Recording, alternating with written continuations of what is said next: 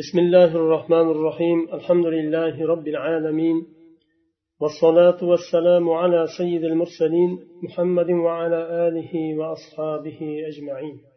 اللهم علمنا ما ينفعنا وانفعنا بما علمتنا وزدنا علما يا عليم آيات الأحكام حيزga tegishlik shar'iy ahkomlarda to'xtagan edik. الحكم الأول برنش حكم. ما الذي يجب اعتزاله من المرأة حالة الحيض ayollar hayz bo'lgan vaqtida qanday bir shaklda ayollardan uzoq bo'lishlik kerak buni hukmi اختلف أهل العلم فيما يجب اعتزاله من المرأة في حالة الحيض على أقوال أهل العلم ayollarni hayz vaqtida ayollardan chetlaning degan oyatning hukmida chetlanishlik vojib lekin chetlanishlikni shakli qanday bo'ladi Umuman ayollardan chetlanishlikmi yo juz'iy chetlanishlikmi birinchisi الذي يجب اعتزاله جميع بدن المرأة وهو مروي عن ابن عباس وعبيدة السلماني birinchi qavl abdulloh ibn abbos roziyallohu anhudan rivoyat qilingan va ubaydat salmoniydan rivoyat qilingan u ayollardan umuman badanidan chetlanishlik ya'ni hayz vaqtida nafaqat jinsiy aloqa umuman boshqa turda bir ayoldan foydalanish ham mumkin emas birinchi qavulda ikkinchi qavulda الذي يجب اعتزاله ما بين السرة إلى الركبة وهذا مذهب أبي حنيفة ومالك إمام أبو حنيفة وإمام مالك مذهبlarda bu ikkinchi qavl kindik bilan tizzani o'rtasi man qilingan shu kindik bilan tizzani o'rtasidan boshqa hamma yerdan erkak ayolni hayz vaqtida foydalanishi mumkin uchinchi qavl الذي يجب اعتزاله موضع الأذى وهو الفرج فقط وهذا مذهب الشافعي إمام شافعي رحمه الله مذهب فقط فرج ممنوع ya'ni man qilingan qolgan joydan foydalansa bo'ladi degan mazhabda u kishi ya'ni faqat bu kinnik bilan tizzani o'rtasi emas farjni o'zidan ehtiyot bo'linsa yetarli deydi u kishi حجة المذهب الأول برنش مذهب حجته أن الله أمر باعتزال النساء ولم يخصص من ذلك شيئا دون شيء فوجب اعتزال جميع بدل المرأة لعموم الآية فاعتزلوا النساء في المحيض alloh taolo ayollardan chetlanishga buyurdi hayz vaqtida biror bir narsani xos qilmadi falon narsadan masalan jinsiy aloqadan chetlaninglar demadi ayollardan chetlaninglar dedi Shunday ekan biz ayollardan umumanga chetlanamiz degan hukmni chiqarishdi nima uchun chunki oyatni umumi zohiri shunga dalolat qiladi قال القرطبي وهذا قول شاذ خارج عن قول العلماء وإن كان عموم الآية يقتضيه فالسنة الثابتة بخلافه إمام قرطبي aytadilar bu olimlarni so'zlariga qarshi bo'lgan shoz so'z bu dedilar. Agarchi oyatni umumi shuni taqozo qilsa ham oyatni zohiri shuni taqozo qiladi bir qaralganda lekin sobit bo'lgan rasululloh sollallohu alayhi vasallamning sunnatlari uning xilofiga. Rasululloh sollallohu alayhi vasallam ayollari hayz bo'lgan vaqtida umumanga chetlanmaganlar va buyurmaganlar sahobalarni chetlanishga shuning uchun bu sunnat dalolat qiladiki demak oyatni zohiri bunday emasligiga oyatni zohiri shunga dalolat qilsa ham taqozo qilsa ham ayollardan umumga chetlanish lekin aslida demak oyatda bu narsa maqsad qilinmagan nega sunnatdan bilinadi حجة المذهب الثاني إكنش مذهب حجته واحتج أبو حنيفة ومالك فيما روي عن عائشة رضي الله عنها قالت كنت أغتسل أنا والنبي صلى الله عليه وسلم من إناء واحد كلانا جنب. وكان يأمرني فأتأزر فيباشرني وأنا حائض. إكنت مصهبن هجته إمام أبو حنيفة ومالك رحمه الله مزلرا عائشة رضي الله عنها دن رواية من هديث وكشي تدلر عائشة رضي الله عنها وغيرا بارمس صلى الله عليه وسلم بر إدشتن yuvinadilar ikkovlari ham junub bo'lgan hollarida. Va rasululloh sollallohu alayhi vasallam oysha onamizga buyurardilar u kishi izor deb kinnikdan ostini yopadigan har qanday narsa izor. Rido deb yelkadan pastini yopadigan har qanday kiyimni rido deyiladi. Izor deb kinlikdan pastini yopadigan. Izor kiyishga buyuradilar. Bizni masalan o'zbekchada uni ishton deydimi boshqa deydimi shunga o'xshagan bir yopadigan kiyim izor kiyishga buyuradilar va oysha onamiz roziyallohu anhu hayz bo'lgan hollarida rasululloh sollallohu alayhi vasallam jimodan boshqa ya'ni jinsiy aloqadan boshqa nimalar bilan foydalanadilar mubashara bu yerda jinsiy aloqagina tushunilmaydi وما روي عن ميمونة أنها قالت كان رسول الله صلى الله عليه وسلم يباشر نساءه فوق الإزار وهن حيض ميمونة رضي الله عنها دام رواية قلنا u kishi aytadilarki rasululloh sollallohu alayhi vasallam ayollarini shu izorni ustidan foydalanadilar ya'ni muboshara yo'li bilan o'sha jimo qilmagan holda hayz vaqtlarida ayollaridan foydalanadilar faqat izor kiygan hollarida ayollarda ya'ni izorni ustidan ya'ni حجة المذهب الثالث وشنش مذهبنا حجة واحتج الإمام الشافعي بقوله صلى الله عليه وسلم اصنعوا كل شيء إلا النكاح. وما روي عن مسروق قال سألت عائشة رضي الله عنها ما يحل للرجل من امرأته إذا كانت حائضة؟ قالت كل شيء إلا الجماع. عند uchinchi mazhabni imom shofiiy rahimaullohni mazhablari u kishi hadisni rivoyat qiladilar. Isnau kulla shayin illa nikah nikohdan boshqa ya'ni nikohdan boshqa derkan jimodan boshqa har narsa qilishlari mumkin degan mazmunda hadis. Masruq. Roziyallohu anhudan rivoyat qilingan. Aishata. Oysha onamizdan roziyallohu anhodan so'raydilar. Erkak kishi ayoli hayz bo'lganda qanday foydalanishi mumkin deb so'raganlarida aytadilar jimodan boshqa har qanday foydalanishi mumkin deb javob beradilar oysha onamiz roziyallohu anhu وفي رواية أخرى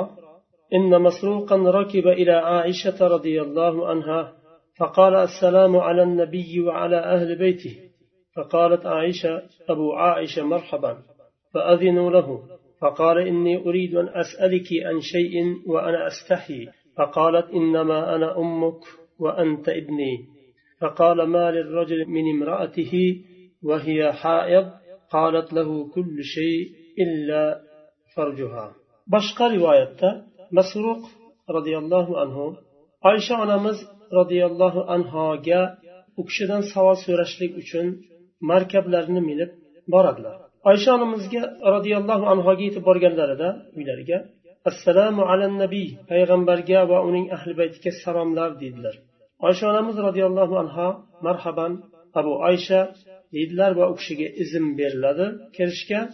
va kirishga derkan g'urfalarga emas savol berganda sahobalar eshikni orqasidan turib savol berardi. Va aytdilarki men bir narsani so'ramoqchiman lekin uyalyapman deydilar. Shunda oysha onamiz roziyallohu anhu aytadilar men sizni onangizman siz meni o'g'limsiz deydilar so'rang. Shunda u kishi so'raydilar ayol kishi hayz bo'lganda erkak qanday foydalanishi mumkin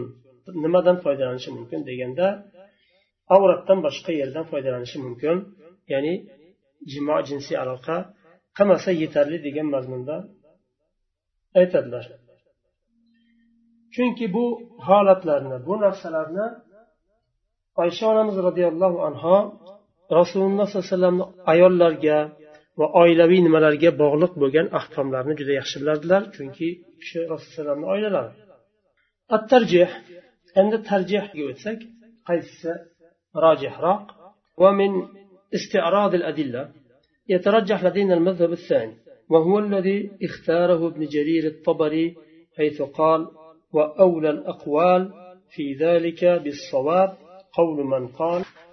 إن للرجل من امرأة الحائض ما فوق المؤتزر ودونه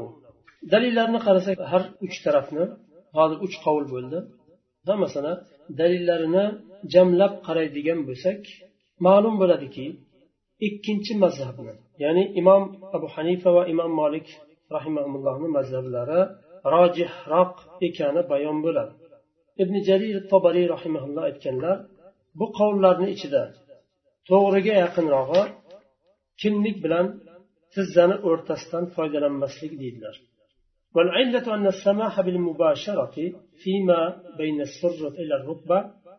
قد تؤدي إلى المحظور لأن من حام حول الحمى يوشك أن يقع فيه nima uchun kindik bilan tizzani o'rtasi man qilindi chunki agar kindik bilan tizzani o'rtasidan ham foydalanilsa haromga tushib qolish ehtimoli bor o'zini tiyolmagan kishi chunki man qilingan narsaga qanchalik yaqin kelinsa shunchalik o'sha man qilingan narsaga tushib qolishlik oson bo'ladi yengil bo'ladi ehtimoli katta bo'ladi yani فالاحتياط أن نبعده عن منطقة الحضر وقد قالت عائشة رضي الله عنها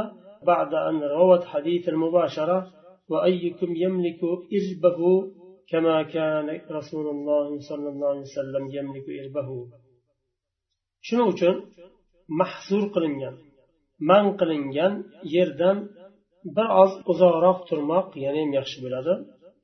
agarchi o'sha avratni o'zi man qilingan bo'lsa ham jinsiy aloqa lekin yana ham uni yoniga bir ehtiyotiy bir nima qo'yib yana ham uzoqroq qilishlik afzalroq bo'lgani chunki tushib qolmaslik uchun haromga oysha onamiz roziyallohu anhu yuqorida o'tgan hadislarni rivoyat qilganlaridan keyin aytadilar أيكم يملك إربه كما كان رسول الله صلى الله عليه وسلم يملك إربه رسول الله صلى الله عليه وسلم o'zini saqlagani kabi qaysi birlaring saqlab bilasizlar deydilar u kishi allohning rasuli haromga tushib qolishdan juda ham uzoq shunga qaramasdan yana izor kiyishga buyuradilar ayollarni irb deb erkaklik olatini aytadi ومن جهة أخرى إذا اجتمع حديثان أحدهما فيه الإباحة والثاني فيه الحظر قدم ما فيه الحظر كما قال علماء رسول الله bu bir tarafdan bo'lsa boshqa tarafdan agar ikkita hadis jamlansa birisi bir narsani muboh desa va ikkinchisi uni yo makruh desa yo harom desa hazar u harom. Ikkita hadis jamlandi birisi bir narsani muboh dedi ikkinchisi mumkin emas dedi. Man qildi. U holatda biz hazarni tanlaymiz muqaddam qilamiz. Chunki muboh bo'lsa muboh narsani tark qilishimiz bilan gunohkor bo'lmaymiz. Ammo muboh degan nimaga suyanib turib u narsaga qo'l uradigan bo'lsak u hazar bo'lib chiqsa harom bo'lib chiqsa qilishlik bilan gunohkor bo'lamiz bu qoida dinda ikkita dalil jamlansa ikkita dalil bir biriga qarama qarshi kelsa bir narsani bir dalil halol desa ikkinchisi harom desa harom degan dalil muqaddam qilinadi الحكم الثاني ما هي كفارة من أتى امرأته وهي حائض ayoli hayz bo'lgan holatda ayoliga yaqinlik jinsiy yaqinlik qilgan kishini kafforatiga nima o'taydi أجمع العلماء على حرمة إتيان المرأة في حالة الحيض واختلفوا في من فعل ذلك ماذا يجب عليه olimlar hayz vaqtida ayol bilan jinsiy aloqa qilishni harom ekaniga ijmo qilishdi lekin shu narsani shu hayz vaqtida ayoli bilan jinsiy aloqa qilib qo'ygan kishilarga nisbatan nima chora ko'riladi ularga nima vojib bo'ladi Faqat tavbani o'zi vojib bo'ladimi yo uni bir kafforati bormi? فقال الجمهور مالك والشافعي وأبو حنيفة يستغفر الله ولا شيء عليه سوى التوبة والاستغفار لأنه معصية كسائر المعاصي تحتاج إلى توبة واستغفار جمهور الفقهاء إمام مالك شافعي أبو حنيفة رحمه الله aytadilar faqatgina istig'for aytadi va tavba qiladi va qanday kafforat vojib bo'lmaydi deydilar chunki bu bir ma'siyat bo'lsa ma'siyatga tushgan odam faqatgina tavba va istig'for qilgani kabi boshqa ma'siyatlar kabi bu ham bir ma'siyat faqatgina sodiq tavba va istig'for qiladi shuni o'zi yetarli bo'ladi imom ahmad aytadilar أو نصف دينار لحديث ابن عباس عن النبي صلى الله عليه وسلم في الذي يأتي امرأته وهي حائض قال يتصدق بدينار أو بنصف دينار imom ahmadni masablari abdulloh ibn abbos roziyallohu anhuni hadislarini keltiradilar va aytadilar bir dinor yo yarim dinor sadaqa chiqaradi rasululloh alayhi vasallamga hayz vaqtida ayoli bilan jinsiy aloqa qilgan kishi kelganda aytadilarki bir dinor yo yarim dinor sadaqa qilsin deydilar وقال بعض أهل الحديث إن وطئ في الدم فعليه دينار وإن وطئ في انقطاعه فنصف دينار بعض muhaddislar aytadilar agar qon oqib turgan vaqtida jinsiy aloqa qilsa bir dinor sadaqa qiladi